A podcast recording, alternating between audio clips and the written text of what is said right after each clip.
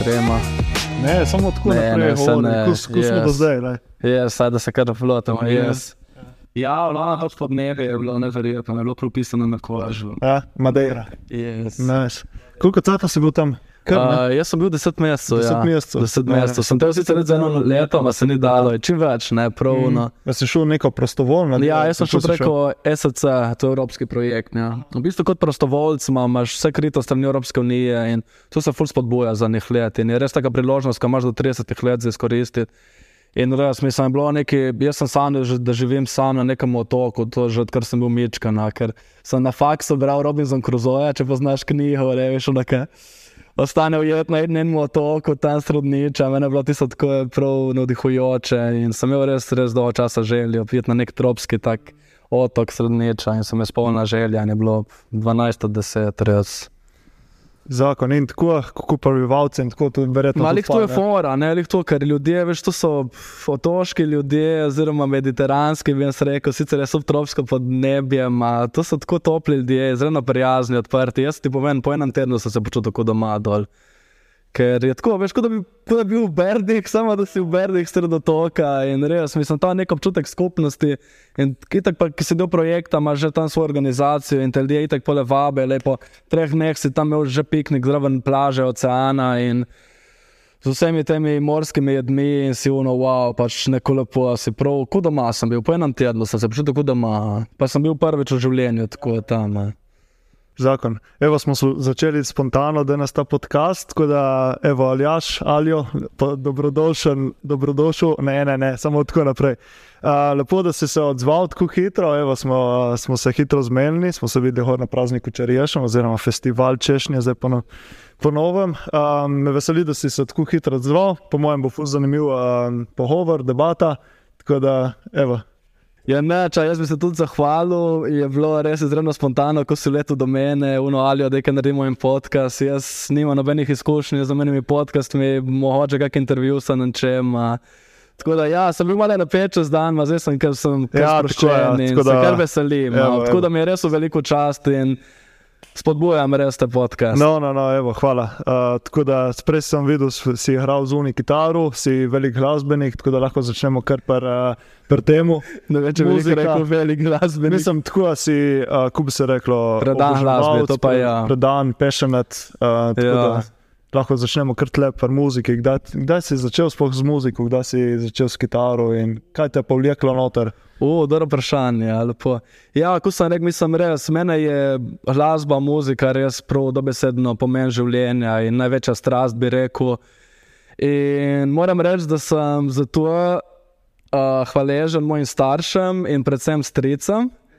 Ker v naši familiji, naši družini se je vedno poslušalo muziko, od kamorkoli smo šli na izlete, po Hrvaških in po vseh različnih koncih in krajih. To je bil zmeri radio, so bili zmeri CD-ji, tudi v hiši je bil zmeri radio, zmeri muzika. Imel sem strice, oba strica sta igrala kitaro, sta imela bende in to, ko gledaš, ko mali, te enostavno posrka noter v te svet. In potem je tudi moj brat že v osnovni šoli začel igrati kitaro, imel punk band in mi smo Tisto se spomnim, ker sem, ja. sem bil še jaz, pismo, mislim, da sem bil jih peti, šesti razred, ker bil bend, tis, tisto je bila hartma, pan koncert, ja, to se spomnim. Ja. Šok se to absorbiral in jedel. In jaz sem imel 13 let in je prišla faza, ki sem se. A, oh, ups. Ok, je panika. Bomo porezali. V glavnem, ma neč prvi spomin, ki se spomnim, so nekje peta leta, ker sem imel res, ker sem imel mička, mičkam pet let in prvi spomin je band Pink Floyd. A to mislim res. Pink Floyd je dobesedno band moje družine in a ni bilo iz leta.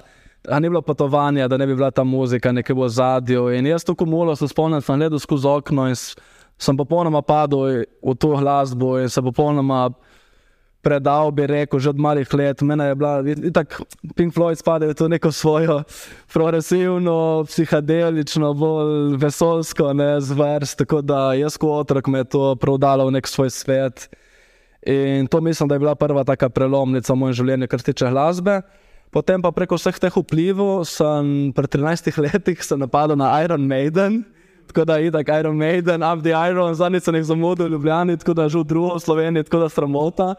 In uh, ja, jaz sem bil 13 let in uno, sem začel prvo z akustično kitaro, ki tako so brati, strici vsi igrali. Sem se učil na klasika Nirvana, Smells Like Ten Spirit in Come As You Are in ta scena. Samo nekako nisem čutil tistih šest strun, meni to ni šlo, tisti prsti, veš, se ti zatikajo.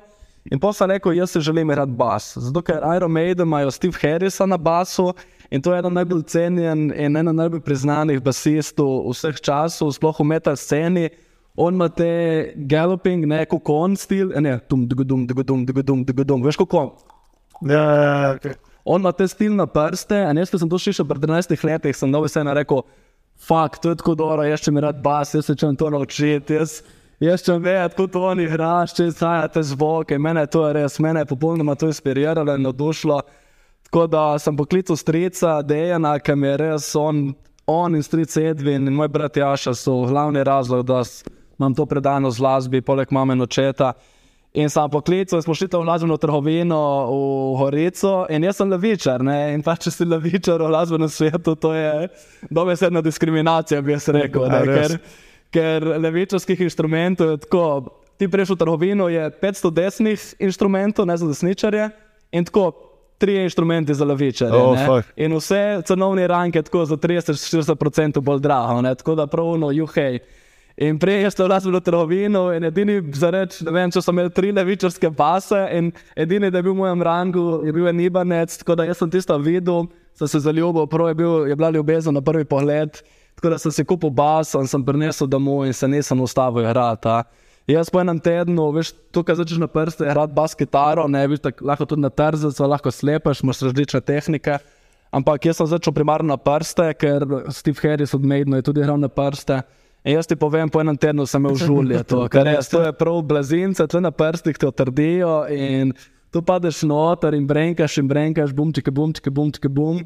In res, tako da od tega se nisem ustavil. A. Potem je pa kasneje itak prišla akustična kitara, električna kitara, čez dve leti. Opam, čez dve leti, malo bobnu, malo tega, malo klaviatur, malo Ušte. vsega. In imeli smo bende in tako naprej. Oštja. Pole imaš vse, ta velik repertoar, ampak še vedno, kje je te najboljši? Ma, mene je bas kitara, ker mene ti nizki toni, mene to dobesedno orgasmično rečeno, ker res mislim, je, je prav te nek, neko meditativno ozadje, bi rekel, pri bas kitari, ker kitara ne doseže tistih nizkih tonov in te nizke frekvence ima mene na moje telo tako blagodejni učinek, da jaz lahko samo zoprem oči, grem samo po eni struni, samo en ton lahko igram, in veš to, bum, bum. To so take vibracije, da res izredno, izredno blagodejno vplivajo na moje počutje. In jaz sem se res zaljubil v bas, tako da. Pa tudi tako funki, štekeš funki in vsi ti komadi, veš. Tako res, mislim, bas mi je tisti inštrument, ki pravka šli. Jaz, jaz slišim komadi, če prva stvar poslušam basa. In tisto, če je dober bas, mi bo tudi komadič všeč, in potem je šele vse drugo. Zanimivo. Ja, jaz nisem toliko v tej sceni, tako da je zanimivo se naučiti kinoha in to. Ne. Uh, sem pa pole malo si pogledal tvoje zdaj videte in to. Ne. Na začetku si imel hipijada, je bila bolj kitara, bas kitara, zdaj pa zadnji so bili bolj akustična kitara. Ne. Si da se mi zdi malo. Ja, mantra je bil bolj- akustični, ja, Ja. ta bil prav. Ta, ta zadnji je bil akustični, ne pole. Pol je bil še Born to Groove, ki je bil Ja. malo bolj funky, ta ne bil, Je bil bil poudarek na basu. ja, Ja, tako, tako. ja. Um, kako je za kica pole naredil ta premik bolj na akustično? Je bilo to, kar je bolj te pomirjalo ali je malo drugačen? eh, Sigurno vsaka kitara ima neko svojo, svoje lastnosti, verjetno. In to. Um, zdaj, recimo, akustična, uh, si prenesel tudi s sabo, lahko poleg kiza igramo. Ja, ne. pa da nam vrate, Ja. ki je nekaj sem, sem proval. Ja, Ja, ja tisto mat mantra, ki sem naredil, ne, je v bistvu. ker sem mene, napisal, da je kar tako sproščujoč. mene je ta mantra izredno pomagal v težkih trenutkih Pri stresu. Pri stresu, pri depresiji, pa res tistih takih bolj temačnih momentov v življenju. In jaz sem rekel, meni je to čar muzike, ne, ker muzika je kot nek pečat, ki pusti za sabo v življenju. Ne. In sem rekel, pismo, ne, če ta muzika meni tako pomaga, jaz bi rad tudi delil v svet, ni važno, le kdo posluša, če ena oseba, da se bo nekako poistovetila in da tista pesem daje tako občutek, da je mene, le pole si spomnil svoje poslanstvo z vidika glasbe. In tako da sem se res odločil, da te mantra, pole komat še izdam in nekako pomaga še komu mogoče, ne, da se ustvari to neko bolj sproščujoče vzdušje v svojem življenju. Ja, ker si nekje napisal, eden izmed tvojih videospotov si napisal, da čutiš, da ti so tvoje poslanstvo, oziroma da si začel že takoj z muziko. Da, kadar si začel z muziko, si napisal, da bi rad nekako svojo muziko vplival na ljudi. In zdaj nekako se je pole s temi komadi šlo bolj v to smer, pač duševno zdravje in tako naprej. Zato mislim, da nisem realno že, že kar nekaj let, mislim, da več kot eno leto neč izdal, ker um, ja, jaz imam ta pristop do muzike, da moram res začutiti. Ne. Jaz, kadar začutim, da je moment, da moram nekaj izdati, da moram to dati nekaj ven, pole grem v studio, grem v Mateju, šatout za Mateja, audiofolika, naša briška, doktor Džija, producenta. Tako da, ja, meni je pomembno, da res prvo to začutim in da dam to pole ven iz sebe. In tako da, zdaj, da bi rekel, prav, da sem glasbenik, težko, ker glasbeniki konstantno dajo to ven. Mene jaz bi rekel, to so bolj neki življenjski, osebni projekti, ki jih dam v določenih momentih, ker moram dati neka čustva ven skozi glasbo. Tako bi rekel bolj. Ja, jaz sem prvič um, pač vedel, sem, da si že prej kitarist, pač, da si glasbenik. Tako, ampak to s, tem, s tistim tvojim prvim uh, so, singlom, ne Hipijada, sem prvič te spoznal, oziroma vedel, spoznal, da imaš tudi neke težave od zadine. In se mi je zdelo fuldoro, da si nekako z muziko, s pesmijo tudi povedal svojo zgodbo. Ven, Zgodbo, težave, ki si jih imel, in nekako pole skozi muziko, glasbo, pravi pomagati tudi naprej uh, in vplivati pozitivno na svet, ker se mi zdi, da je prav, da se govori tudi o še neha zdravja. Mm, Zdaj tudi, recimo, juni, pred kratkim sem zvedel, da je juni kao uh, duš, mesec duševnega zdravja za moške. Tako da nekako se tudi. Ja, to je pa še večji tabu, ne, ker je tako na moški. Tako, moški duševno zdravje. Plačil da, se in bo se v redu, je zbravo, to je vsekakor. Tako da mogoče je prišel prav ta cajt, uh, timing podcasta, da se malo lahko tudi o tem malo več govorimo. Ja, mislim, jaz sem odprt, nekolikor toliko, sicer so zelo osebne stvari, ma, ja, mislim, da je vseeno, je šlo že nekaj let mimo, da imam vseeno neko distanco in lahko. Ne. So pa Ja, mislim, uh, jaz dobesedno ti lahko povem, da meni komad hipijada je, je rešil življenje. Jaz, jaz sem, mene je glasba res tisti notrni mir v tem življenju, ker, ki ga rabim, ki mi nudi uporo, ki mi nudi strast. In jaz sem bil do take točke, da če ne bi to preko glasbe dal ven, jaz ne vem, če bi se trenutno ti pogovarjal z mano, ti vem prav direktno. In, Tako da, ja, veš, glasba je taka stvar, se reče, šuno je muzika, gremo žurati, samo glasba je res neka prvinska stvar, ki izveja že z panti veka, z začetka človeštva in veš, ljudje, ki so bili malo unga bunga, ne v kameni dobi, ko je govorilo, imamo to buni meme, confused unga bunga. Ja, ker smo bili že ljudje unga bunga, veš, to je primarna stvar, veš, ti si naredil ritem, si udaril po skali, si duko po palčkih, to je, ljudje se ne zavedamo, da ima glasbo v žilah, odkar obstajamo na tem planetu in Mene to daje tako zahon, tako terapijo v življenju, da res, jaz sem se odločil tekrat, da moram, da je edini način, da dam vse te frustracije, vem, vse te podlačene čustva, mene najlažje to izražati preko glasbe. Tako da mene je komat hipijada res v življenju. Ja, ja se tu vrne, ko se zveni ja, lahko. Ja. Se tu je od večine umetnikov črpa prav iz te bolečine. V... Ja, ni jih od pozitivnih ja. račun nastaja. Mislim, neki verjetno tudi pozitivne. Ja, ne, ampak trovine ja. skozi zgodovino, ja. ja, večinoma je zvira iz bolečine, ja. ja, to je dejstvo. Da je tudi za umetnike, ne, ni to samo muzika, je tudi potem risanje, pesmi, pa poezija, vse je skoro. Jaz, jaz, neke... jaz sem mnenja, da mora vsak človek v življenju najti neko tisto svojo stvar, ki mu nudi res neko platformo, bi rekel, za izražanje, veš, ali je to šport ali je to umetnost. Ja, se jih ti vse reči, je... da večina jih pole dobi skozi šport, ne pravi, da šport je tista rešitev za mentalno, duševno zdravje, ne? ni pa edini. Ne? Ja, tu bi sicer jaz imel večkrat razmišljal o teh vprašanjih in tako. In od te debate, jaz bi pa tle imel kar malo kontramnenja, ne? ker jaz v tisti fazi, ki sem bil res najbolj na dnu svojega življenja in izredno, izredno depresiven, že samomorilen bi rekel. In uh, veš, sem non stop pošušil to, ja, vse beži športat, beži da dva, beži to. Ja, ok, deluje, definitivno pomaga, definitivno je tako počutijo vse te procese, ki nastanejo v telesu preko športa, definitivno blagodejno vplivajo. Ampak pri športu sem opazil z osebnih izkušenj. Jaz sem tisti sajt kolesaril, sem, vem, sem delal v Grči, smo vsak dan igrali odbojko, beach volley, sem bil na morju, vse uno, sem bil aktiven, cele dneve na soncu in še zmeraj globoko v sebe sem bil izredno depresiven. In se človek vpraša. Ne, in, uh, stvar je pa pri športu, pri tem, ker jaz sem mnenja, da pri depresiji največ pomaga pogovor. Ne. Pogovor, da daš Depresija je primarno neka potla, to so neka potlačena čustva, ki jih imaš ti v sebi, ker jih leta in leta kopičiš. In tako kot moški smo naučeni ne izkazati čustva, bodi tiho, bodi stoičen, ko se reče stoičen in vse te scene, ja, drži, ampak enostavno veš, flaška, ki je polna in ki prije na vrhu do čepa, ne do zamaška, veš, to je neka meja in potem to vse eksplodira ven. In se mi zdi problem pa športa, da veš.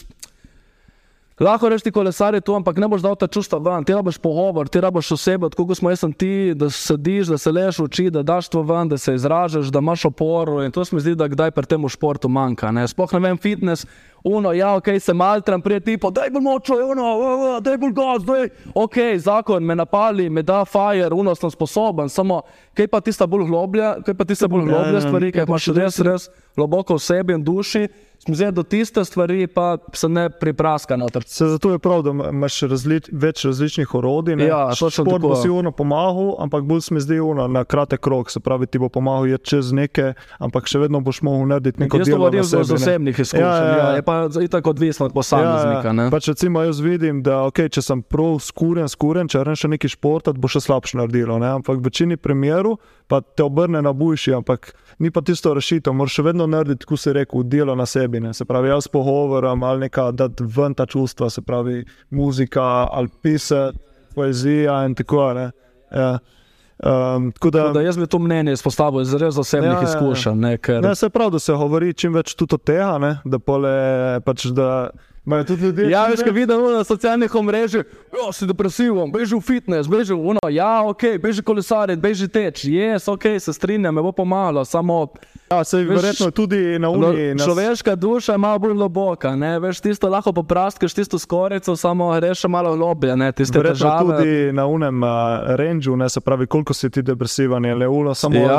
si pač tako malo žalosten in to ali je prav uno hart. Ja, jaz sem bil v uni ja. fazi, ker ja. dobesedno nisem mogel niti vstati v postelje, ne? ker to je res una, kar obična stvar pri depresiji, da res ne moreš malo menj, da je niti vstati v postelje. In že, te, že to energijo moč, da zbereš, da priješ v postelje, zahteva tak napor, da se ne ljudje ne more niti predstavljati. In... Ja, zdaj, recimo pred tem podcastom, ko sem šel malo gledati tvoje uh, videe in to se mi je zdelo lepo, ker si napisal, da v bistvu se nisi poistovetil s to depresijo, ampak si rekel, da pač depresija si napisal, depresija ti da misel, da si neki. Ne? In v bistvu tu se mi zdi pomembno, da v bistvu ne enačiš težave z duševnim zdravjem, kot da si to ti. Ne? Ampak da je to nekaj, kar živi v tebi, oziroma kot nek parazit, mislim, da si tudi napisal. Ne? Ja, in, v bistvu se iskreno, ne prav spomnim, ja. kar sem napisal, ampak. Ja, ok, povedz. Ja, in se mi zdi, da je fajn, da poles, se že malo oddališ od tega, vidiš, da to nisi ti in se mi zdi, da je pole že lažje. Ne? In je tudi zanimivo, ker si napisal, da ko si zdaj rekel, da depresija ti da misel, da ne moreš, da, nisi, da si manj vreden, da ne moreš, da ne moreš. Ne? Ampak se mi zdi fajn, da, pač, da to nisi ti, ne? ampak je. Veš, kaj, kaj... Ja, ja, te popolnoma razumem. Ne, ne, jaz se strinjam. Veš, je, mi zdi v naši družbi. Je, hitro prideš do tega nekega stanja, ki rečeš, ja, pač jaz sem depresiven, sem to in potem imaš nekako rade izgovor za vse. Ne? In ko se reče, če rade to, cela tvoja. Identiteta. Rekel, identiteta, ja, cela tvoja osebnost, potem mislim, da ni to način, da boš ja. to se razrešil. Teže se je s tem spoprijeti, če misliš, ja, da si če misliš, da tako. Ja. Ja. Če pa misliš, da je to kot nekaj, ki je pač okay, zraven tebe, v tebi, potem je že malo lažje, ker tudi potem najdeš neke, iščeš neke načine, kako se s tem spoprijemati. Ja, moja osebna izkušnja je ta, da pff, sem videl depresijo kot eno ogromno horo, sicer recimo. Horu, goru, da ne bomo pobriško preveč. Se smo, se smo odlepili, yeah, se smo domači. ja, domači. Meni depresija, če je malo metaforično, simbolično povemo, to je bila ena gromozanska gora Monteverest, ki jo moram premagati. In, uh, to je bila najbolj hardcore, težka, neverjetno boleča izkušnja v mojem življenju. Ampak, ko si rekel, meni je že te, že te vidik, ne, da ni to celotna moja stvar. Jaz sem to gledal, ok, to je tako obdobje, ki sem zdaj z isto padel in jaz moram najti vse načine, da prijem ven z tega. Ne. To je kot neka luknja, ki padaš noter in se vrtiš in vrtiš v kroj in nekako moraš najti tiste lestve, da splezaš ven. In, da potem nadaljuje svoje življenje. Ne. Sicer se ne rečem, da je sto procentno vse, ne, ker jaz mislim, da v tem življenju je vsak človek že bil kdaj depresiven. Ampak mm. Ne, se verjetno tudi fajn, ker se govorite, a sigurno se bo kdo najdel v tem. Ja, Da je definitivno. fajn, je to so, to ja. so, jaz sem gotovo, ker sem bral in ker sem poslušal ljudi, da to so izjemno, uh, ko bi rekel.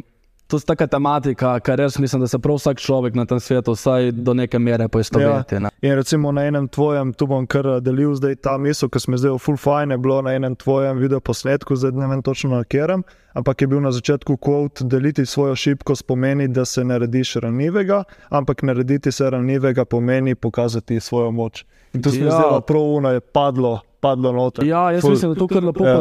ponazori, ker uh, pf, jaz sem imel dobesedno tako izkušnjo. Ne, da, in zdaj se zelo smejem, ker sem na to pomislil v kopalnici, ker sem se prav pripravljal malo na to podcast. Je, jaz sem naredil komičken Tom and Jerry, ne resenku. In je bila ena scena, mislim, da je bil Jerry, in na eni strani je imel angelčka, na drugi strani hudiča. Veš ta klasična simbolika, nekaj najdemo skozi vrsto, vrsto različnih dol.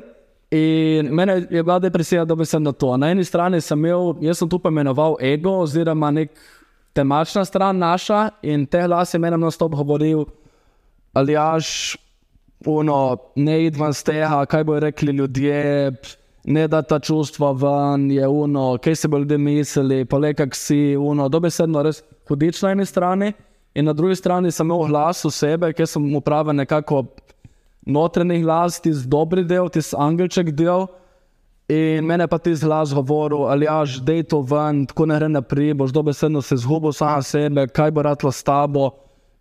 Poj, mislim, daj ta čustva ven, najdi ljudi, poišči pomoč, naj te ne bo sram, naj ne imej taka bremena na sebi, ne si da take pritiske, vse bo v redu, išči načine, ne poslušati. Tako da je bil, mislim, res, kar reče, to bitka z notranji demoni, bitka med dobrim in zlim, kaj vsak človek nosi to v sebe. Jaz sem dobesedno to vse izkusil na lastni koži in je zelo, zelo intenzivno, zelo, zelo intenzivno. In na srečo mene je lih ta glasba, ta občutek povezanosti z naravo, z občutkom povezanosti na nekaj višjega. Tudi molitve, bom rekel, jaz sem se zmeraj osredotočil na te dobre glas, ker sem vedel, da to je prava pot. Tako da sem bil res notrni v bitku med temi dvemi glasovami, ampak je na srečo potem uh, zmagal slednji. Da pff, Ja, sedaj tu je bilo moje naslednje vprašanje, zdaj sem full tak analitičen, pa provam dobiti neke odgovore in to. In me prav zanimalo, kako si prišel čez to, se pravi, si rekel hipijada, narava, Ja, duhovnost, oziroma kako ja. bi temu rekel. A je bil prav ver- verjetno ta proces uh, hipijada, ustvarjanje to, da te Ja, veš, ki hipijada je. Hipijada je nekako moj življenjski moto in način življenja. In, uh, to je plus smešna stvar, ker je skrati s, s enim frendom večkrat iščemo definicijo hipijada in to je kompleksna stvar.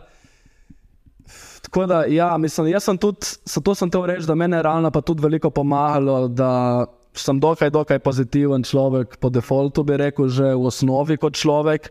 Tako da ne glede, kako me življenje tepe, se res pravim sredotočiti na tiste pozitivne stvari in iskati tiste dobre stvari v tem življenju, med ljudmi in sebe. Tako da tudi z tega vidika nisem pustil, da bi tisti temačen del mene prevzel, preveč me prevzel, čeprav sem večkrat padel pod vpliv tega glasu in sem bil dobesedno, kot da bi tle po tleh bil, mislim, to si, si potušam s zakritim očmi in se, se ure in ure joko, mislim. Predvsem je depresija, jaz bi povedal tako, jaz sem imel občutek, da me nekaj lovi, ampak nisem točno vedel, kaj me lovi. To je tako grozen feeling, to je tako grozen občutek. Kot da te, mislim, res, to je kot da te nek demon, neka temačna energija lovi, ampak jo ne vidiš, neš nič, ampak jo samo čutiš v sebe. In... Grozno, res je grozno. Mislim, zdaj mi je smešno, ker gledam nazaj, ker je tako pravi, jaz sem optimist in imam rad smisel za humor. Samo tu je res bitka z notranjimi demoni, ja, bi jaz rekel. Zdaj si že parkrat omenil ta čustva, smo zdaj fajn, da si tudi to omenil. Zadnjič smo s Seleno na prejšnjem podkastu, Seleno Lema, tudi govorili o čustev. In ona je rekla, pač, ok, on, kot športnik si ful pod pritiskom in zdaj, če ti tlačiš ta čustva, tu ful ni uredi. Ne?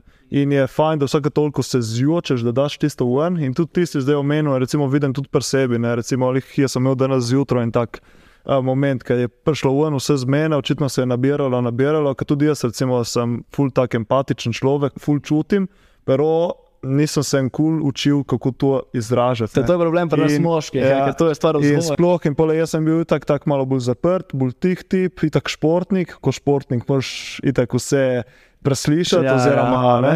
In pole meni se je tlačilo, tlačilo, in pač zdaj zadnja leta vidim, kako je treba sprocesirati čustva in koliko buj se pole počutiš. Ne. In se mi zdi, da je ful ta močna povezava čustva, depresija, ko si že ti omenil. ne. Točno tako. Ja. Pri meni je bil to največji problem, ker tudi primarno depresija izvira iz teh res, res potlačenih čustev. Ne. Jaz sem bil tako vzgojen strani očeta, ker je izredno racionalen človek, definitivno nečustven. In pa tudi nasplošno, veš, mi moški, še naša generacija, moče oni niti ne, ampak se res tako vzgojen, ne, itak, bodi moški, potlači vse, uno, Sploh bric, ne, ki, ki Ne, se ne boš luknil, pička, po domače ja, brojdu, ono, ne, ja, mislim, greš bodi delat, ne, trdi, uno, ja, ja. ok, vse ja, vse sem trden, vse to, vse preživim, še uno, me zbičaš, enkrat preživim, dvakrat preživim. Sem pizarija, trikrat, štirikrat, petnajstkrat in to tlačiš, tlačiš in enostavno pride do faze, da pač bum, ne, pač mora priti tisto ven. In tako da jaz sem tudi to, ja, preko glasbe, preko narave, preko tudi duhovnosti, bi rekel, sem se naučil nekako ta čustva se povezati z njimi, jih procesirati,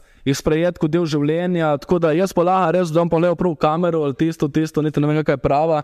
Jaz polagam res na srce moški in mislim, tudi to, da je ženska, ono, ki tako reče, kao bodi uno, vse se lahko čustva, vermano z oči, se ima pole marsikdaj spada tudi drugoma. Jaz polagam vsem moškim na srce, pač ne vas ne bo sram se z oči, da vas ne bo sram dati to ven, ker pač se jok to pomeni, da si človek in ni človeka na tem svetu. Lej, Fucking Mike Tyson sem videl tam, kaj je izgubil otroka, se je tipo zjoko. Mislim, če Mike Tyson se lahko zjoče, kaj je najbolj hardcore živina, kar je živela na tem svetu, mislim, če ni to definicija največjega moška, če je on sposoben se zjokati. in Mislim, še nekaj je bilo sram in to. In jaz res polagam. Jaz, če ne bi se to naučil, če ne bi prišel do one faze, da se malo zjočeš, da daš to ven, da procesiraš čustva, pač mene ne bi bilo zdaj tle. Ne? In, in mi je absurd, mi je absurd te pritiske sedaj na moške in uno, sploh boomeri, pač shut the fuck up, stari man. Se predvsem je ono, ker čutiš neko pač noter v sebi, da se ne bi smel tako počutiti, ne tisti pritisk, pa ko si rekel ta guilt, ne, Ja, da ne bi to. smel tu, ne, kot moški, ne, ampak ja, je fajn tudi to. bi lahko vprašali pan puncev za mnenje. Ali, ali moški lahko jočejo? Alright, It- itak big ja, boys don't rekel. cry. Tako bomo malo reframali. Ne, tako da- Ja, ne, res, mislim pač tudi. Prehajamo tako leta, kot se reče, tu je tudi stvar izkušenj in vsake izkušnje je ena Ja. ja. lekcija in z leti, z leti te to dosti laže in se ni. Še zdaj čuješ, mislim, to so take posledice, ki jih čutiš do konca življenja. Ja, ampak- mislim, se nekaterim tudi pač ni treba tega, pač samo nekateri ja, pa so tudi, pa drugi, ki ja. ja. na svoj način. Ja, recimo nekaterim pa življenje poleg privede do tega, ali skozi depresijo, ali skozi pač fizične težave. Mene je skozi recimo utrujenost, izgorelost, ne mi je Ja, jaz pokazalo. bi rad slišal tudi s tvojega Ja. ja. vidika, s tvoje perspektive. Ja, pač nočem, da je, sem jaz le v spredju. Ne, ampak ne, mene me tudi delim, zanima, Ja, ja, pač, recimo, mene je skurlo, po, če lahko sem odkrit glede tega, 2017. Te je bila- skurlo, ki si kadil, ki čudna. me je fizično skurlo. Ne? In uh, pač takrat je bilo res preveč vsega, ampak tisto je bilo samo pika na ine. Kaj je bilo pa prej, leta in leta, veš, leta in leta športa, iti čez svoje telo, pač skozi trenirati, vse je bilo fajn, odbojka in vse, ampak hkrati več uno.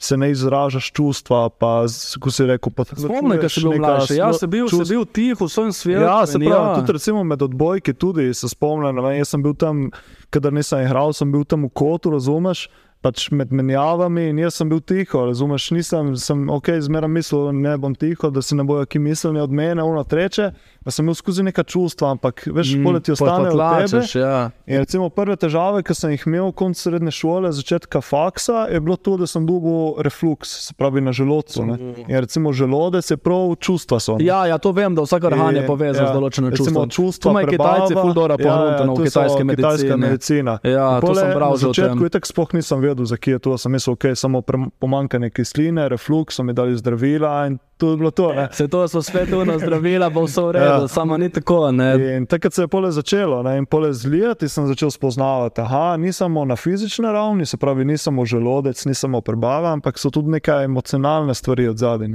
In pole je tako. Pač izgorelost me je prisilila, da sem šel pač tudi to malo raziskovati in čustva, in tudi duhovno, spiritualno plat in to. Ne. Ampak tudi meni takrat smo prijaš vedno obdobja, ne? pač nikoli ni več tako hudo, kot je bilo takrat, ne? ampak se še vedno pridejo neka obdobja. Recimo, Ja, zdaj imamo tako razumem. obdobje, dva tedna, ki sem prav, prav down, veš, pravno čutiš, ker sem prazen, bo tudi malo pač teh negativnih čustev, prije tudi malo depresije in to ne. Ampak ja, Ja, jaz to tudi razumem. Mislim, to je definitivno. Ne? Mislim, ta iluzija, da bo to kdaj končalo, in ni, se ne konča, ampak to je del življenja, jaz še mrež. Jaz sem tako sprejel, da je to nekako del življenja in ni tako te zaznamuje. Ne moreš to kar tako res, res intenzivno in grozno in hkrati veliko lekcijo in izkušnjo, kar tako pozabiti. Je. Vsak človek je dal nekaj res težkega skozi te zaznamuje in to pričakava, da boš ja, ok, zdaj je to šlo mimo, 100% sem kot nov, vse je, ampak pridejo obdobja, ampak Lih tu je, mislim, da poanta, ko si rekel, da se naučiš skozi leta, skozi izkušnje, da te stvari nekako balanciraš, da jih mm, da ja, ja, znaš to. handlati, ne po domače. Ja, se to, ja, malo so tudi pričakovanja, jaz smo ful pač močna notranja kritika, ne, in pole bi mogel skozi uno, bi mogel se dobro počutiti, bi mogel uno. Ja, te notranje Ampak kritike. Ja, nekatere so, recimo, spet gledam s take stvari, pole se malo tolažen sam sebe, da nekatere pač tudi pač športniki, nekatere poškodbe postanejo kronične. Ne. Ja, Pač, to. ne vem, če imaš ti težave s koljeni, mogoče boš imel do konca življenja težave s koljeni. Se to, Pa ne, se se s tem to. ni nič narobe, samo boš malo, malo biti pač pozoren na to. Ne? In malo bolj spremljati, malo več pa self-care delati in to. Ne? In isto je verjetno s težavami z duševnim zdravjem. Ne? Ja, pač itak, nekateri pridejo. notranje rane, ne, to so notranje mislim, rane. Isto je, se verjetno nekateri pridejo s to postu ven z tega, nekaterim pa pole ostane. Ne? Se to ne, In, ja, eh, le, le- evo, tle recimo jaz imam rano, ko sem šel skozi šipo, ne veš, to je fizično videti, ima tudi naša duša, ne, ima take različne vzbokline in to, in vse so zaceljeno, vse, ampak tista rana, To se pa ostane, ne vidi, samo- se tu je lih največ. to ne zdele ljudi, ne, lih to ima vsak, vsak človek nosi svoje. Ja, ja, to se lih tu je težava in rane. dušev, duševnem zdravju, nekaj se te notranjih stvari se ne vidi. Ne? In ker niso tle, misliš, da je vse v redu. Ampak Pač, če ne, ne vidim, ne obstaja, samo življenje je malo bolj Ja, no, kompleksno kot tako in malo bolj globoko, bi rekel. Tako. Prej si parkrat omenil duhovnost in da ti je tudi to recimo dosti pomagalo. Pa me zanima, kaj misliš s tem duhovnost oziroma spiritualnost, ker tu je tudi fal, tak Ja, abstrakten abstrakten pojem. pojem Nekateri in- pole in prva asociacija, se pravi religija, crkva, Ja. nekateri jim bolj recimo kakšen ta hinduizem, budizem in take stvari. Recimo, kaj, kaj, kaj za tebe to pomeni, pa kaj recimo ti prakticiraš. Ja, oziroma, ma Če si mislim- odprt za Ne, ne, delitev. definitivno. Ma Mene, jaz mislim, da duhovnost je zelo osebna stvar vsakega posameznika. In tudi ti ljudje, ki rečejo, pač nisem duhoven in to imajo nekaj v sebi, vseeno. Jaz sicer nisem, ne spadam pod nobeno religijo, bi rekel. Mene se ne, se lih poistovetim z organizirano religijo, ampak sem pa izredno radoveden z vidika ne, religije. Sem bral knjige. Od Hare Krišna do budizma, do islama, do krščanstva, me izredno, izredno zanima, ker je ta religija velik, velik del človeštva. In, uh, jaz sem pa enkrat prebral zelo dober citat, ki mislim lepo ponazori. Ne, je, religija je nekako neko vodilo v življenju, kateremu slediš in ima že napisane vzgovore, ne, odgovore. Spravi, ne vem, sledim Bibliji, sledim Koranu. So neke stvari, ki so zapisane, ki jih je nekdo izkusil, in jaz v tisto verjamem in tistemu sledim. Medtem ko duhovnost je pa neka pot, neko iskanje nekega višjega smisla skozi lastne izkušnje, skozi lastne borbe, skozi lastne zmaje.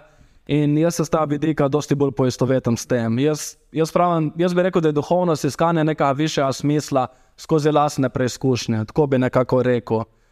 In ja, jaz predvsem mislim duhovnost z tega vidika, da ta, vid- te vidik povezanosti, ne, da imaš občutek, da je nekaj večjega od tebe, da se znaš povezati z naravo, s prijatelji, da imaš lahko nekaj, da si sposoben nekih globljih odnosov. Da, recimo, ko sem rekel, jaz nisem vera, ne hodim v nobeno institucijo, versko, karkoli, ampak uporabljam molim, imam neko svojo molitev, mantro, ki jo uporabljam že zadnjih nekaj let. Mene to recimo, zelo, zelo pomaga in to bo marsikdo povedal, da mu molitev pomaga. In pa tudi ja, neka svoja oblika meditacije, kar meni predstavlja muzika, se pravi nek trans, nek občutek miru, ki ga lahko ti privede, mislim, do katerega ti lahko prideš skozi različne načine. Jaz pač marsikdo bi se smejal, ne, ja, ški, duhovno se ima te New Age, malo ima tak slab Ja, ja, pač Meni je duhovnost to, recimo, da vzamem kitaro, da grem pod drevo, pod dablo, po domače povedano, zoprem oči, sem sam s sabo, se pravim povesti s sabo, s svojim bistvom in brenkam določene melodije, ki mi ustvari nek občutek miru, nek občutek notrnega ravnovesja, nek občutek zadovoljstva. To bi jaz rekel, da je za mene duhovnost. Ja, se imaš prav, ne, je tako tak malo abstrakten pojem, ampak ko ti malo analitično pogledaš, v bistvu ta duhovnost ustvarja nek občutek miru, ne, protisto. Ne. In ti lahko ta mir dosežeš skozi religijo, se pravi molitev v cerkvi, lahko ti skozi šport, lahko ti skozi muziko, lahko ti skozi meditacijo in vse to, ne, potovanje, narava. Ne.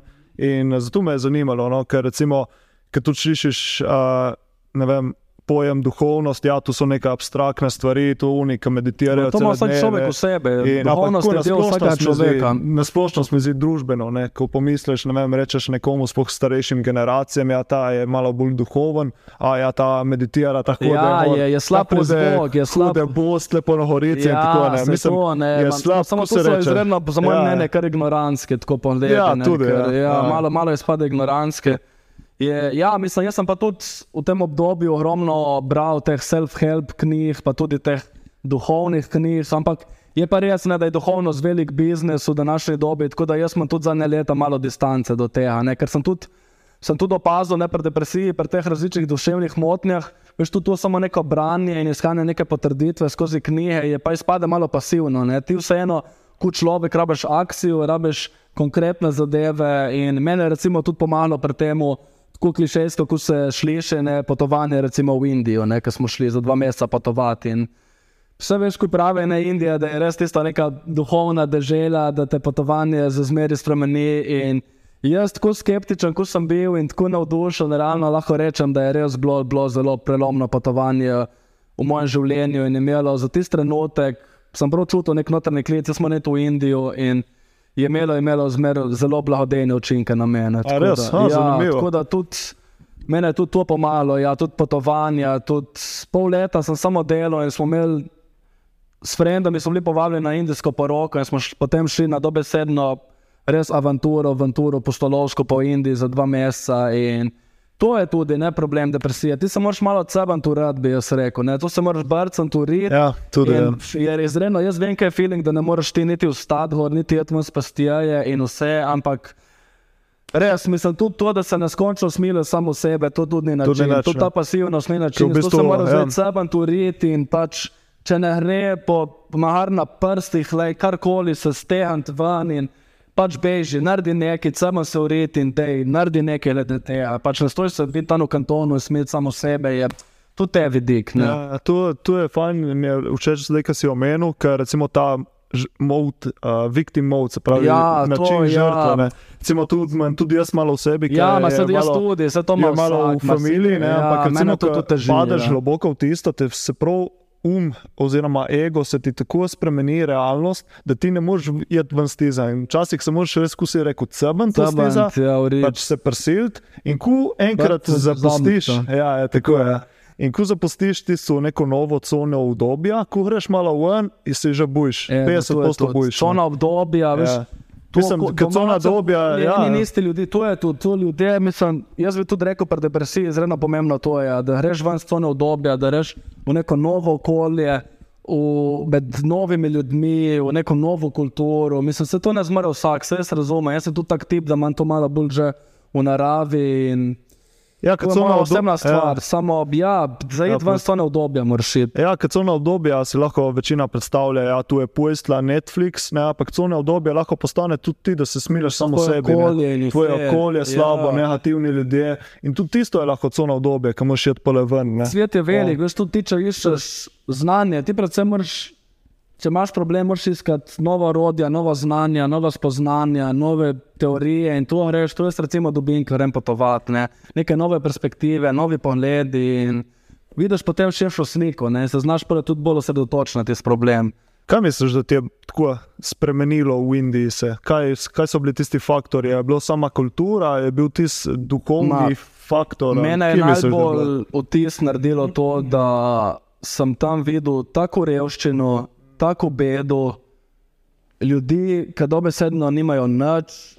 In uh, meni je bil prelomljen trenutek, to sem jaz povedal vsem prijateljem in ljudem. In, uh, pač mogoče je smešno, samo mislim, ni v bistvu ni smešno, ful žalostno. Samo jaz sem videl v Indiji majstra, ki je prišel do mene na rolki, imel neko custom made rolko, ki je naredil sam, verjetno, in imel nobene noge, brez ene roke je bil in samo z eno kratko roko in me je prosil za denar. ne.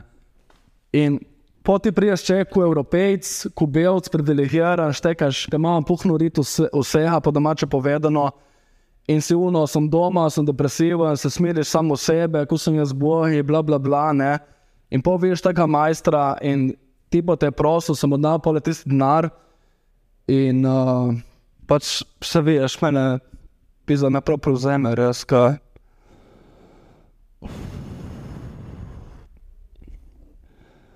Pač poanta je tipo, on se fucking boril, štekaš, on se ni vdal v življenje, je še zmeraj vsak dan se boril, ni imel nič v primerjavi z nami. Pisa, ti pa ni imel niti fucking rok na noh, nič. In bil ga čau zmoral, za kje sem zmoral, razumeš? In tako da je meni bilo res, ko sem jaz to videl in ko sem tem začel tem razmišljati, mene, mislim, pff, moja perspektiva glede življenja, no vse a je, ni bila nikoli več čista, bi rekel po domača. Fak, zanimivo, kako ti je kakšen tak majhen trenutek Ja, spremeni take življenje. malenkosti, kot je res Ja. zamujejo, stare res soze, zmeraj, ko pomislim na to. a. Ko vsi iščemo neke epifanije, kako se bo nam spremenil svet, ko bo prišel nek dohodek, pa neki in pole neka taka preprosta stvar. Pač je on je bil eureka moment, ko si rečeš, da te majster nima nič, polej, kak način življenja ima, polej, kako živi in se bori, on se je po tisti rolki v juhu in je prišel do mene po se rečeš, mislim, ki sem mal za pritožavati. Polej naš tlemi se sedimo na kavču, debatiramo o našem duhovnem zdravju, tu imamo kamere, računalnik, te si mi ponudil vodo in štekaš, to je občutek hvaležnosti, da To, evo, to sem tudi pozabil ponazoriti. Občutek hvaležnosti je zmer izjemno, izjemno pomembna stvar, ki ti pomaga rešiti depresijo in vse druge duševne stvari. Če nimaš ti občutka hvaležnosti za vse, kar imaš, in če se ne zahvališ, če ne kaj zmoliš ali karkoli, če ne to daš ven in poveš. Mislim, to je brez, treba biti hvaležni. Ja. To treba biti hvaležni. In še jaz sem kdaj premalo krat, ampak se trudim te stvari nekako izraziti. Ja. v bistvu hvaležnost je spet je kot neka mišica, ki jo moraš trenirati. Ne? In ti jo moraš delati v dobrem obdobju, da ko priješ v težko obdobje. Ne začnem delati v težkem obdobju, a zdaj bom pa sem v depresiji, zdaj bom hvaležen, ker ne bo delalo. Pač moraš ti, kadar si dober, začeti s to in pole, da te tisto potem, ki si enkrat še tam noter, da te potem mm. tisto zvleče pole ven. Ja. Se Um, to, ja, hvaležnost. Samo- mislim, Samo, da si v redu, si pa rata šljen, ne, kje sem, se mi ne da zdaj. to ne. Jaz sem videl tist, v tistem možu, jaz sem ne nikoli pozabil življenje. Jaz sem videl tako moč, tako notranjo, mislim, taki te drive bi se reklo. Le, ti pa je prosil tam na rolki, brez rok, brez noh in poti priješ tam, hola dri, hola drako, nek privilegiran evropejc, belc tam in mislim, si uno doma, sem da pre, ki se imam za pritožavati, mislim. Vse je, vse je hudo in vse, ampak pa le ljudje, kako živijo. In, tako da, ja, mene te vidik, vis, pač druga, kot pravim, druga perspektiva, druga kultura in videti malo id ven s to na obdobje, videti, kako ljudje živijo po svetu. In vse veš, kako gre v rek. Ne? Na koncu ljudje v teh državah in v Afriki in vse so bolj nasmejani, kot mi, Ja, razumeš? ne. So Globoko v sebe so bolj srečni in zadovoljni, kot mi vse, kam imamo kao, vse stvari. Ne? Mi, ki iščemo samo materialno. Ja, se to, ne, se to. Čakaj, Indija, Madeira, si še kje potoval tako, Ja, da, da te je Lani sem bil v je Turčiji, je zaznamovalo. Da te je zaznamovalo, Ja, oziroma mene je najboljše doživeti, to je tudi zlajnena zgodba, zelo, zelo zlajnena zgodba, vsaj z vidika mojih prijateljev. Je, ja, neč, mi sem friend, ki sem imel 20 let, smo šli kolesariti le z Nove Gorice do Makedonije. A, upis. In smo šli skozi Slovenijo, Hrvaško, Albanijo, Črnogoro in Makedonijo. A je bil primo krč, a je, a, Stisni, stisni. yes, Ja, ola, bože bojše. prvi krč na podkastu. Jaz, prvi krč, je še kaj spogil. Oh, shit, okay, Moramo zrihtati, Smo se preveč napeli. Moram reči, ti Smo ura. se preveč napeli s to debato. Moram reči Marvino, ne zrihta malo magnezija. res malo magnezija. Ja, to je, evo, ma sicer ne vem, če bi šel v te podrobnosti, sicer ne vem, če ti veš. Ma. Ja, sem imel 20 let in smo šli spontano, brez nobenega plana, s par evrov v žepu in z najbolj osnovno basic opremo, kolesarec, skozi pet držav od Slovenije do Makedonije. Spali smo večinoma v naravi in sred noča, brez nobenega plana.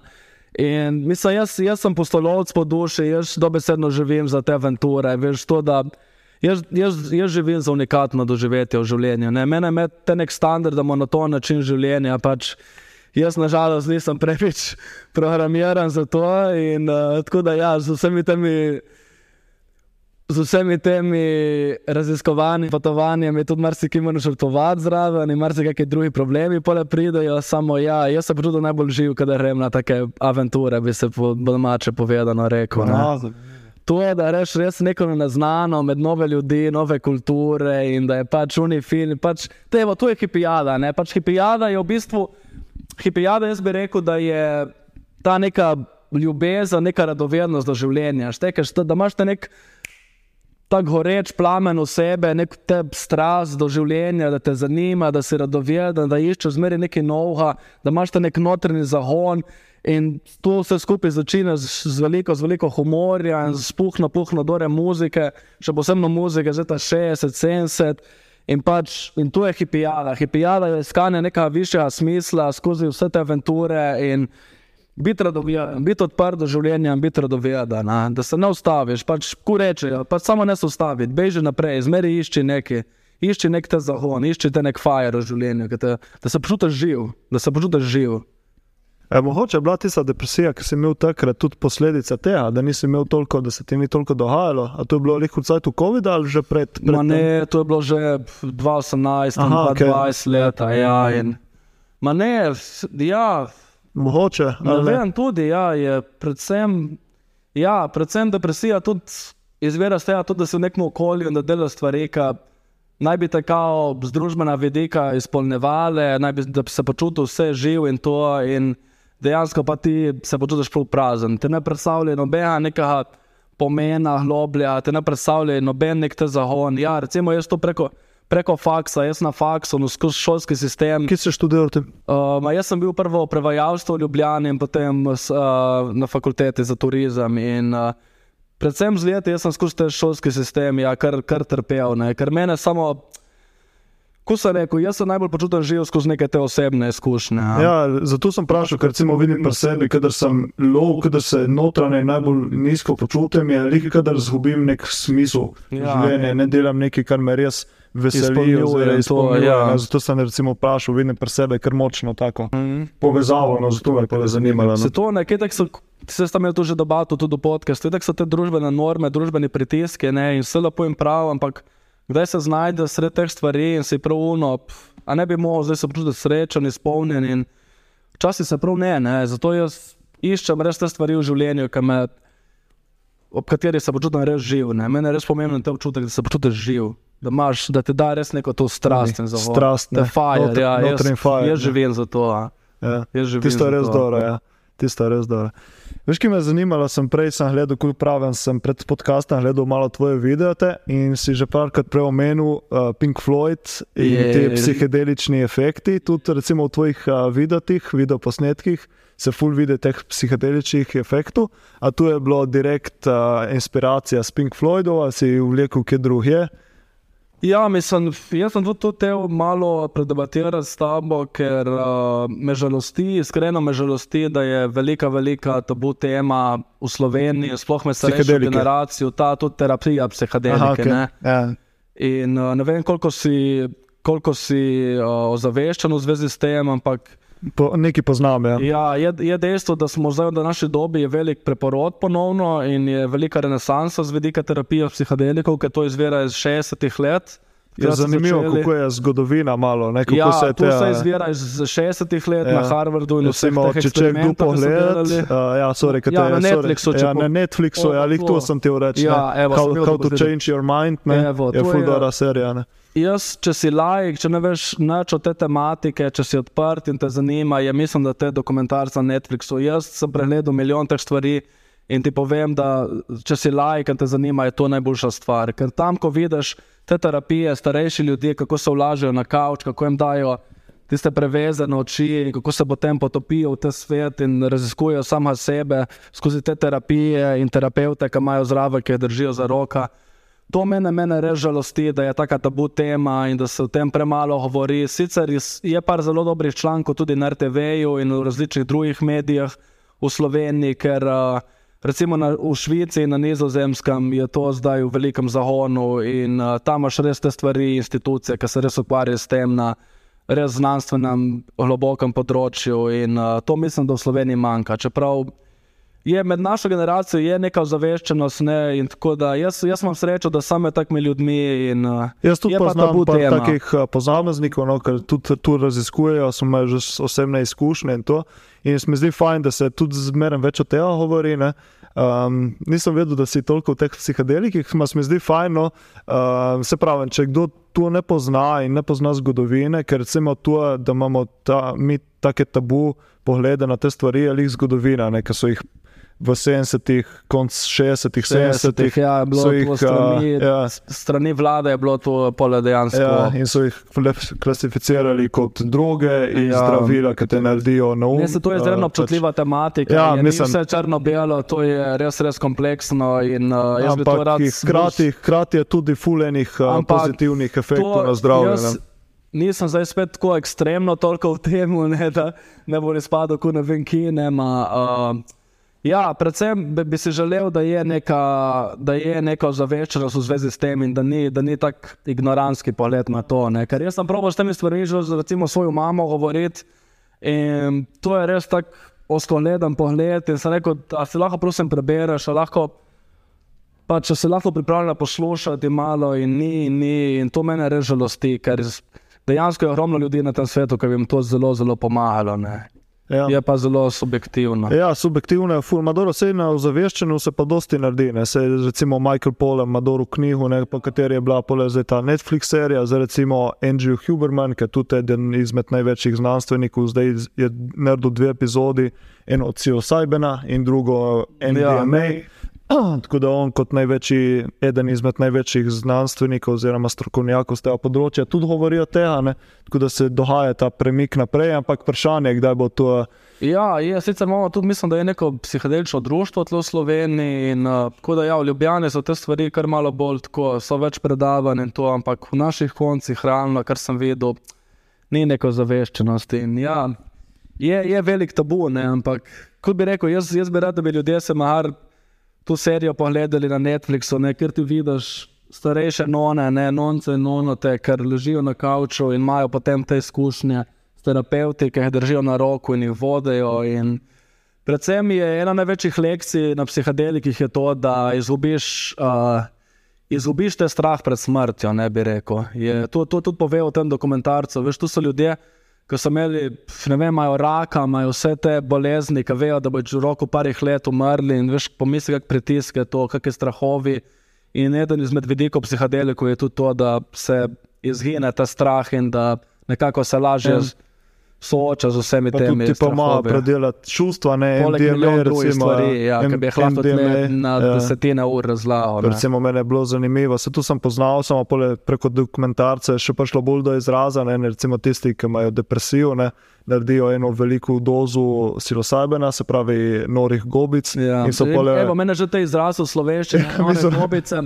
Ma prav te- mushrooms, Ja, pač- mushroom, mislim, čudežne hobe je že malo tako, ampak nore hobe je že te vidiš pridihne, ono, ok, zdaj bom pojedel te hobe, se mi bo zmešalo. No, in že Ampak v Sloveniji ja, ja, že v ampak- slovenščini z tega vidika je problem. Ampak ne. ironično, ne, ja, Ja. ja. velika doza norih gobic, te, po veliki večini primerov pozdravi depresijo. Ne. In pač imaš ta abstrakten uh, pogled na te stvari, ne, se pravi, Ja, oziroma mislim, to so bipolaren pogled na te stvari. Ne. Na pravi način so to izredno, izredno zdravilne rastline, bi jaz rekel. Ne, in Med našo generacijo mislim, da je kar dobra zaveščenost in tako, ne, ampak manjka, manjka še. Ne. Mene mi res ne, me, me, me kar žalosti. Ne. Tudi, ko, ne vem, tudi ljudje, ki se bomo mislili, da je tako debati, ampak mi, mi je res žalosten, da je tako osko gledam, bi rekel, ignorantski in predvsem tako zatrt pogled na Ja, te stvari. ne. Hkrati pa treba imeti tak, Ker smo v kar- 21. ja, stoletju in 23. Je pa moraš ja.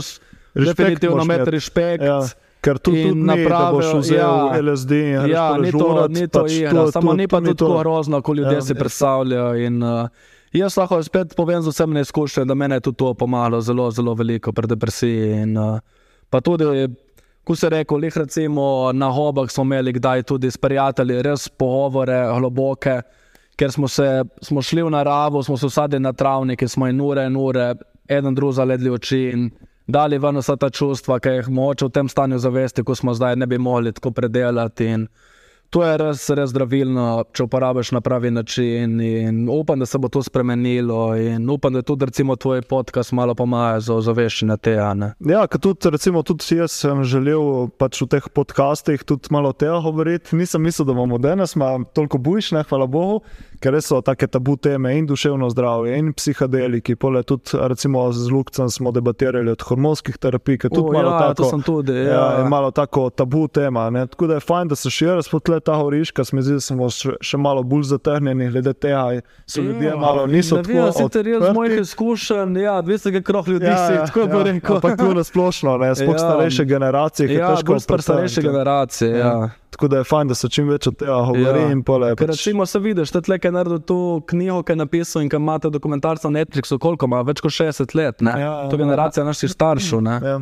Ampak moraš biti odprt za te stvari. Ne? Če nisi odprt, če greš v to, ah, tu je brez veze, tu ne pomaga. Ja, tudi ne. spet pravi, to je tudi en vidik, ki bi Malo, jaz rekel. ja, Ta radovednost, ne pač. Ja, tako, tako. Ne le črno-belo na svet, mm. tako bi rekel. Ne. Vse je težko, kdaj, ampak. Zdaj si že parkrat omenil knjige, da dosti bereš in to. Pa me zanima, recimo, kakšnih, če bi izpostavil par knjig, ki so ti res ostale v spominu, oziroma recimo, ki ti zdaj padejo tako na misel, da so ti dosti pomagale. Ker sem bil en tretji razred, čar in tovarno čokolade. to je definitivno, to je bilo bum. Uh, ja, take knjige, uf. Če ti recimo pade, kakšno zdaj tako na misel. Ma, ja, ne vem, da Vinčeva šifra mi je bila zelo, zelo dobra, sem to je tako klasika. Ne vem, življenje zvira življenja je bila ena uh, knjiga o Hare Krišna, tako zelo, zelo zanimiva. Imaš to bitko med znanostjo in religioznim pogledom na svet. To je bila zelo. Nara Petroviča sem bral o uh, skupnostih in uh, teh trajnostnih skupnostih, ekoveseh in tako. To me je kar zanimalo na faksu. Ja, evo, vrata zaznavanja, ne od Aldous Huxleya, če te zanima, terapija s psihadeliki, psihadeliki na splošno. To je ja, že kar knjiga, Perception, ja. to je klasika. 1954, mislim, Ja, ja, on je bil ja. eden prvih, ki je opisal to psihadelično izkušnjo. Tudi po njih so se poimenovali The Doors, ne recimo po tej knjigi. Tako da The Doors of Perception je izredno, izredno zanimiva.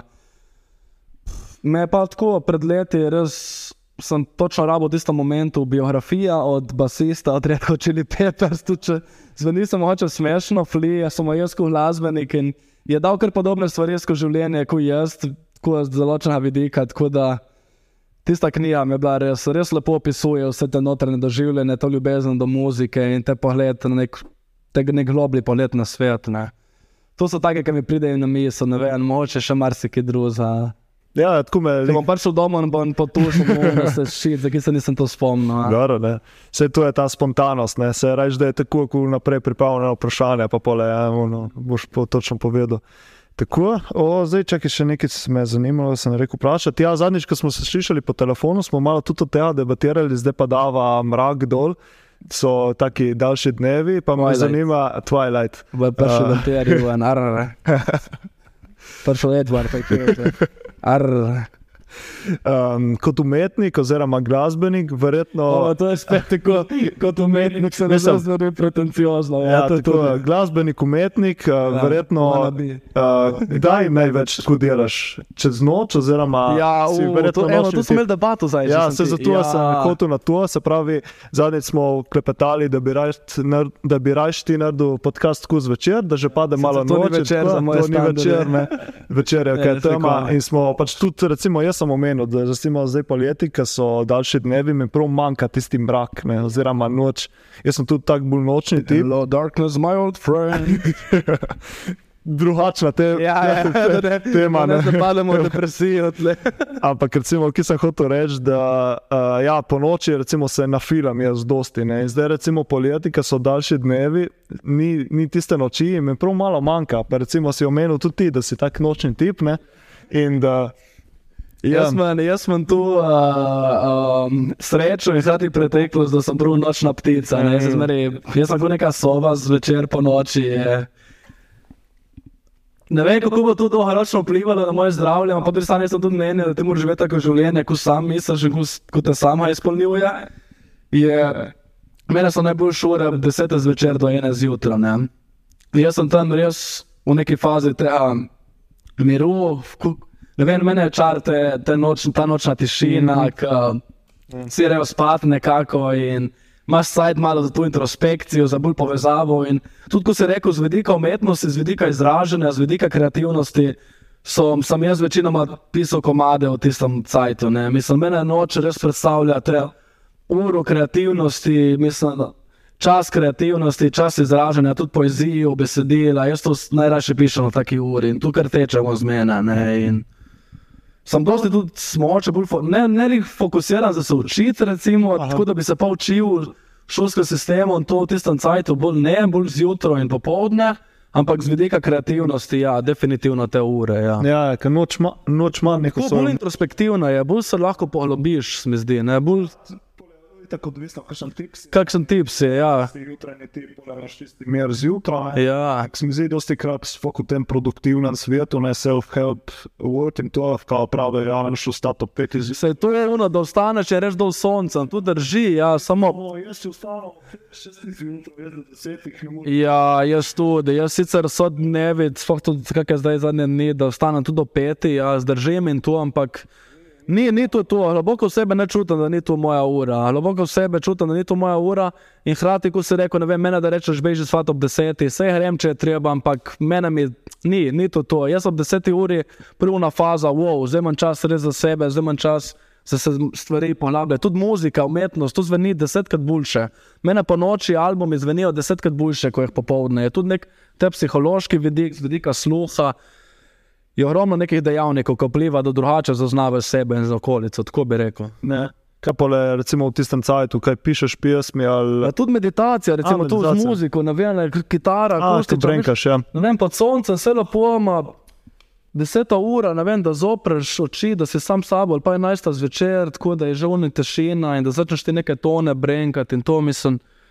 Mene to predstavlja res dodat, nek dodatni mir, da, nek dodatni notranji mir. Pa da je še kakšna luna, da so zvezde, jaz sem še uno strešna okna. Je, pa pa prej še kakšen mačkon, moj pinč, prečeno obiskati in začne težiti, da zdvinem vrno okno. In, ne vem, ima res poseben čar. Pa že, spu, evo, že s puncem od deset, recimo. Man. Kje se raj še ljubiš, uno popovdne zvečer? Je uno, že z vidika, evo, z vidika romantike in strasti in vse, mislim, mene to noč, uf, to je res predstavlja, prav, ima res svoj čar, res ima svoj čar. Čeprav je pa tudi ono, ne sonce, ne vem, da si plaža, sonce, premorijo, prsoči, karkoli, ali pa da delaš. Je. Tudi sonce, ne, mislim, sonce je tako ena večna simbolika življenja in vse, samo, ja, noč. Ne vem, nekako se počutim po noči, a tisti uri mm. najbolj domače, bi rekel. Ja, to je fajn, da pač tudi malo tu korporiraš. Ne? Aha, jaz sem nočna ptica. Ja, sicer to je spet tako, ja, vole reči, ja, da ne rade cele to identiteto. Ja, samo, tudi, tudi to je. Sem tako, ja, varim z izkušenja, ja, katerem, katerem času dneva ja, se počutim tako najbolj jaz, jaz bi rekel. Ja. Mm, zakon. Um, zdaj, si že parkrat omenil ta uh, muzika, tako da vpliva tudi zdravilno, pa se lahko še malo pri tem ustavimo. Ja, z veseljem. Uh, ja. Tudi tu je tako malo tabu, ne ah, ja. je muzika. Ma ne tabu, bolj tako nerazumljena bi ja. rekel tematika. Kaj, recimo, dosti študij, recimo par podcastov sem že poslušal, kako muzika oziroma določene frekvence pozitivno vplivajo na zdravljenje v, v telesu. Je tudi to. Ja, se bom mislil, že fitness, sem videl, da sta bolj športniki in to, kje te bolj napali. Vem, mislim, da si brez muzike tu ali da si daš neko energično muziko, ne vem, metal ali karkoli, mislim, nekaj, da ti da res unifajer je. Muzika, ja, evo, to smo spet malo žalosti, bi rekel, ker je tudi tako malo nerazumljena tematika. Ne? Je, muzika je prvinska stvar, ne? muziko ima človek v sebi, od pradavnine in muziko ti lahko uporabi za zabavo, za celebracijo, se pravi, ne, da nekaj nazdraviš, ne muzika, zmeraj zraven poroka, ono tretje, ampak predvsem je pa muzika tudi orodje za neko poglabljanje, ne, za neko pf, terapijo. Ti moraš vedeti, to so vibracije, ne, to so vibracije. Ti, ko udaraš po strunih, ko udaraš po basu, tu je jaz, to so naravni elementi in to se biva in to vpliva na tebe, ti tvoje telo zaznava to na nek poseben način. In pomislim, tudi ne vem, gongi in to je. Pa, Pa tudi v religijah, če pomisliš, to je v religijah, imaš medenti muziko, pa v vsakem ritualu, pa vsem imaš muziko. Pomisli v cerkvi, imaš ti zbor, ki poje, ne vem, v Afriki imaš bobne in to, ker imaš te tribal scene. In ne vem, kakšni drugi imajo, kakšni budisti imajo te gonge, veš kot gonge, ona velika činela in vse to ustvarja te neke posebne vibracije, ki imajo določene učinke na naše telo. In to je spet taka malo neraziskana tematika z vidika marsikoga, bi rekel. Ja.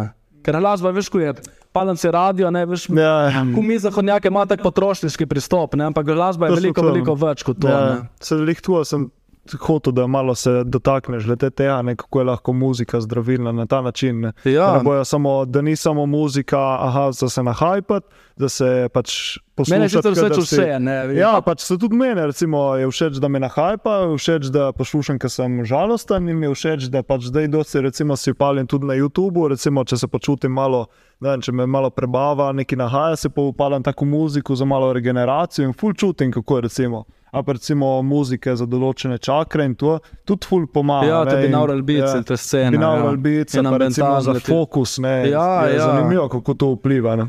Ja, mislim, je muzika ima ne, neverjeten vpliv na nas. Je vsaka stvar, ne, mislim, že to pomisliš, že ploskane, že to, že to je nek zvok. Pač je zvok, ne, in zvok, zvok ustvarja ta neka čustva in nas pomaga, pomaga ti pri izražanju. Ne. Jaz tudi, evo, tu recimo, jaz preko glasbe poskušam izražati neka čustva, ki te ne znam razložiti z besedami. Ne. Jaz te ne, ti nam pa znal z besedo razložiti določeno čustvo, lahko ti pa mogoče preko muzike to dam ven. Ne.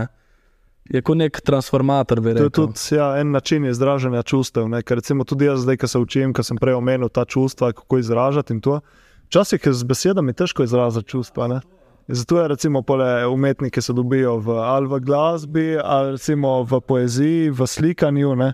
Uh, izražaš čustva, da jih pole daš ven. Ne? Tu ne vem, kaj reš teč, ko, ko boš lažje tekel, da boš šel v tišini, poslušal vlastno dihanje, ali da si boš palil, ne vem, ali podcast ali neko muziko, ki si je, ki te motivira. Jaz, recimo, ti povem z vsem izkušnjami nazaj, jaz skupaj v srednji šoli ne bi pretekel, če se ne bi palil nek drum and bass, hardcore, 200 BPM, beat, tum, tatgdu, tu, tatgdu, tatgdu, tu, tatgdu, tatgdu, tu, tatu. Jaz sem si tisto palil in jaz sem prelaufal kupere na tak način. Jaz, ko sem prav brez muzike, uno teč, biti zmaltren, kot prasec, po domače povedano, pruno ubit, poslušati glasno dihanje.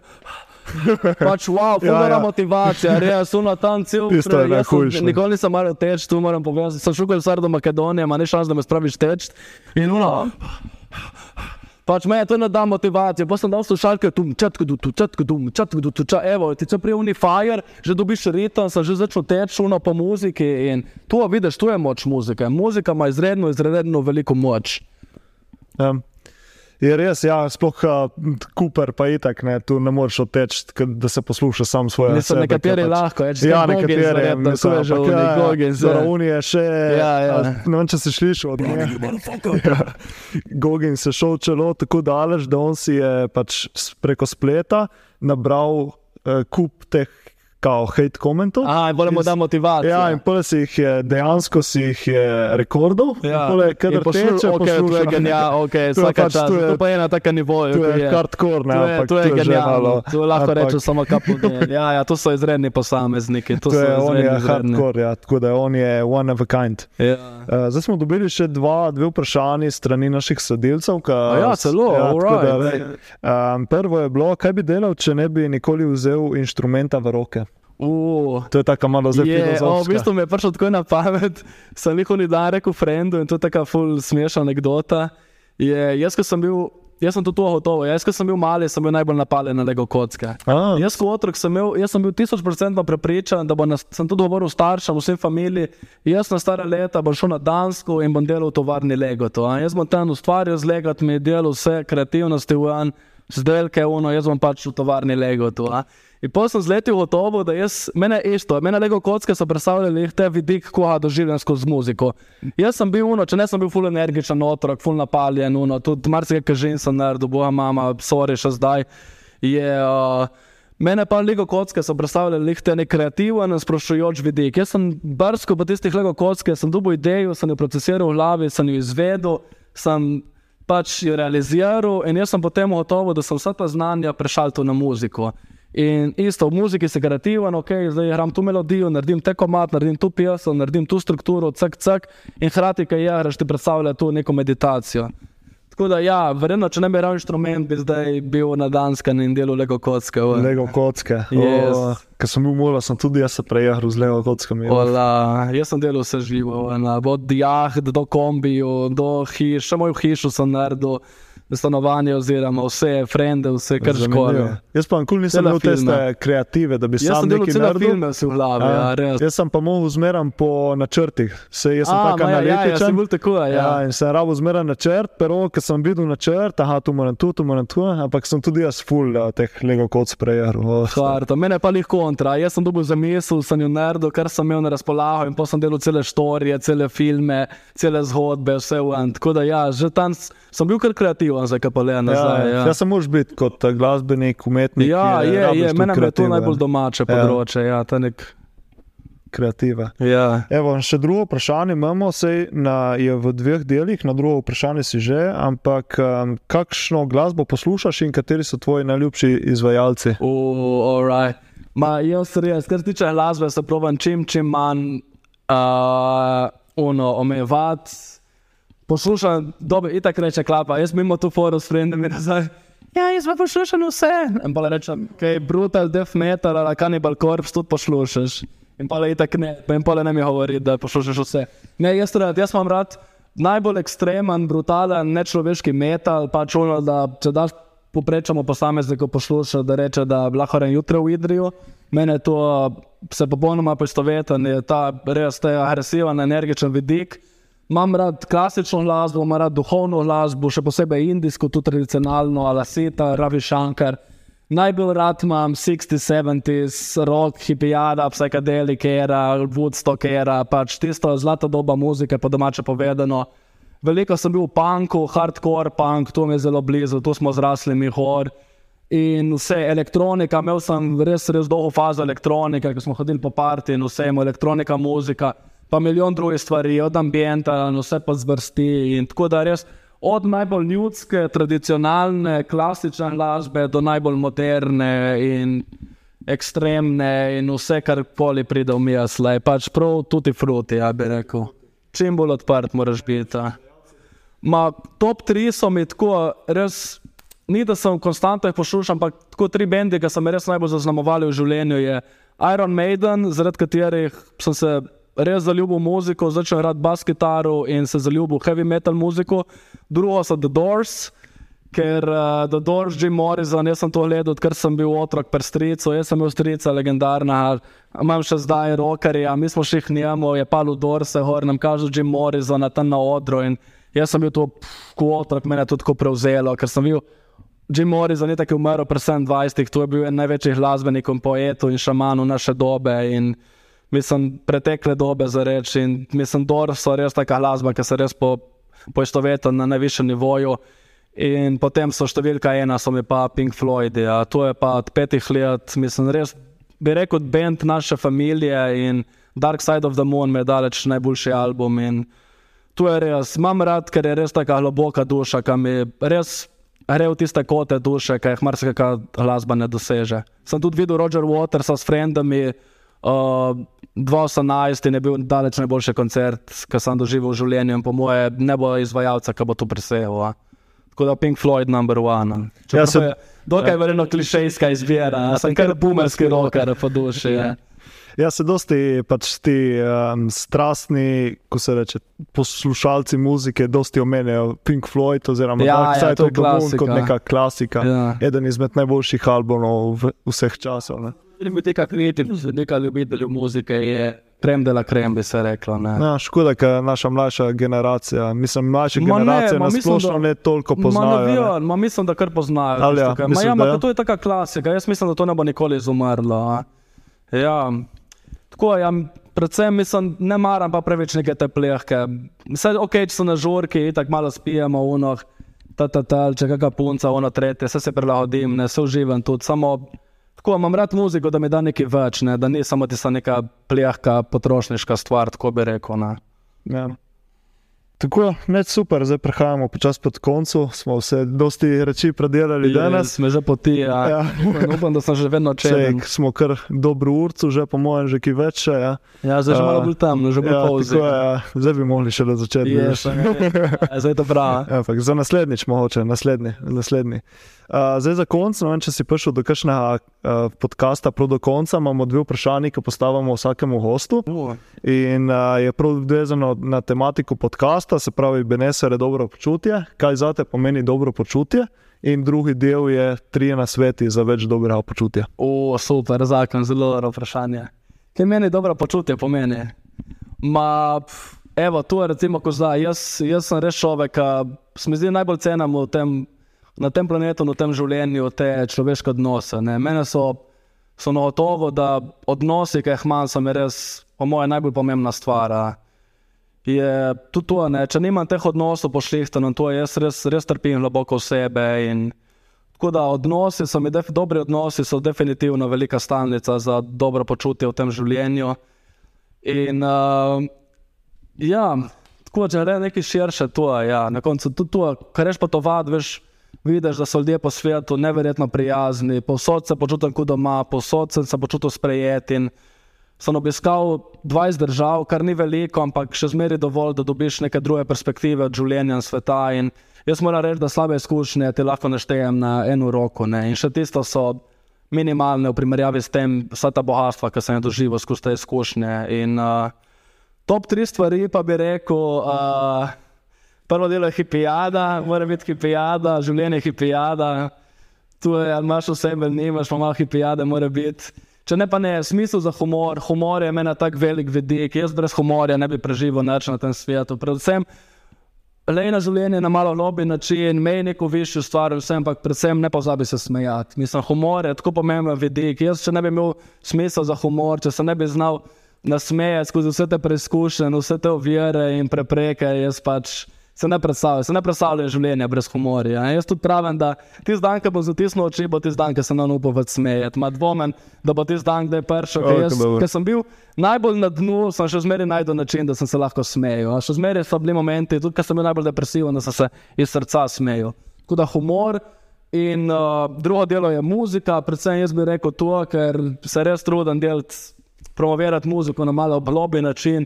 Muzika je zelo, zelo pomemben vidik, tudi če se kdaj ne zavedamo. Sicer spet ni za vseh, ne, ampak ja, muzika bi rekel. In tretje delo je ja,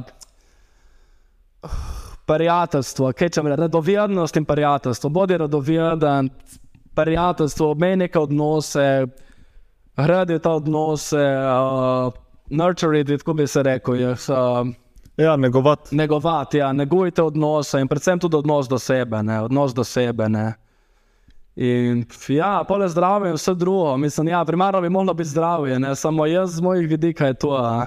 Top. Humor, odnosi in, uh, in ljubezen do muzike. To je to mene dela najbolj živa. Top.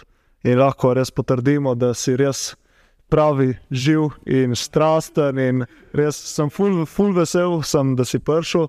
Um, res, po mojem, bo tudi ljudem všeč, ker si res taka dobra energija od človeka, tako energičen. Hvala, upam, da je. In, eh, ja, tako da ne dvomim, da bo ljudem všeč. Um, zdaj lahko še deliš, kje te lahko ljudje spremljajo, oziroma kje lahko dobijo tvojo muziko ven. Hvala, ja, hvala za vse komplimente, upam, da drži tako. Jaz pravim biti samo jaz, tak san, ki čem. In uh, uh, ja, ja, neč, kaj vem, Facebook, klasika, če ni že preveč star. Ki je narejaš boženel in Instagram, HIP4DA, hipijada nekako, ja, HIP4. Spotify nimam več, ker ne vem, Spotify nisem folk nekaj poslušal, povem prav iskreno, in na YouTubu HIPIADA, moji glasbeni, glasbeni otroci. In um, ja, to je pa to. Sicer ja, socialna mreža, itek so dvorezen meč, Ja, ja, malo ti tako. spet iz angel in budiček. Angel ne. Kondiček, ne, tako. Tako da, ja, vseeno, res spodbudim klapo, da bi šel rešil naravo, brez telefonov, ko preveč po socialnih omrežjih, ampak tam je lahko dobiste. Evo, tle imaš zraven tudi kitaro, tako da če si na voljo, lahko. Da bi zdaj kaj na koncu, Ja. ola, ja. Če se čutiš, če se ja, prej čutiš. sem nekaj samadr, upam, da. Evo.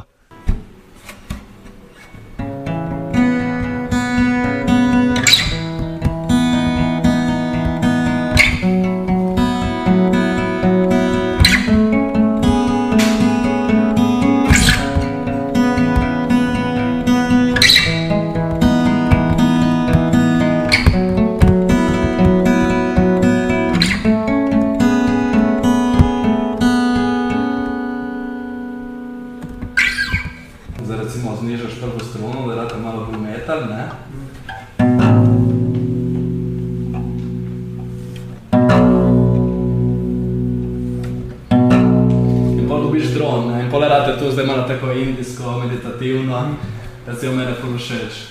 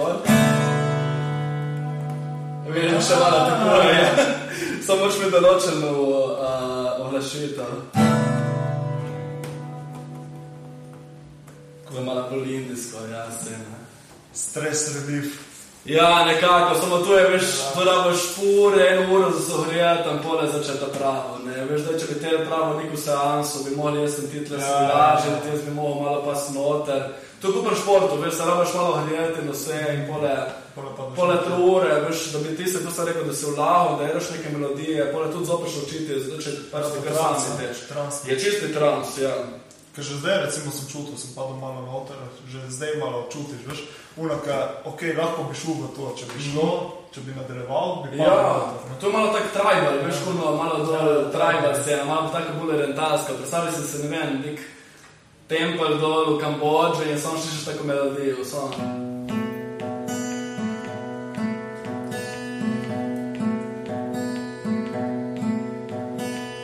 Pa zaledeš tam neko, ne vem, neko skulpturo, nek kamen, ono, nek friz, starodaven, samo. Začne dogajati.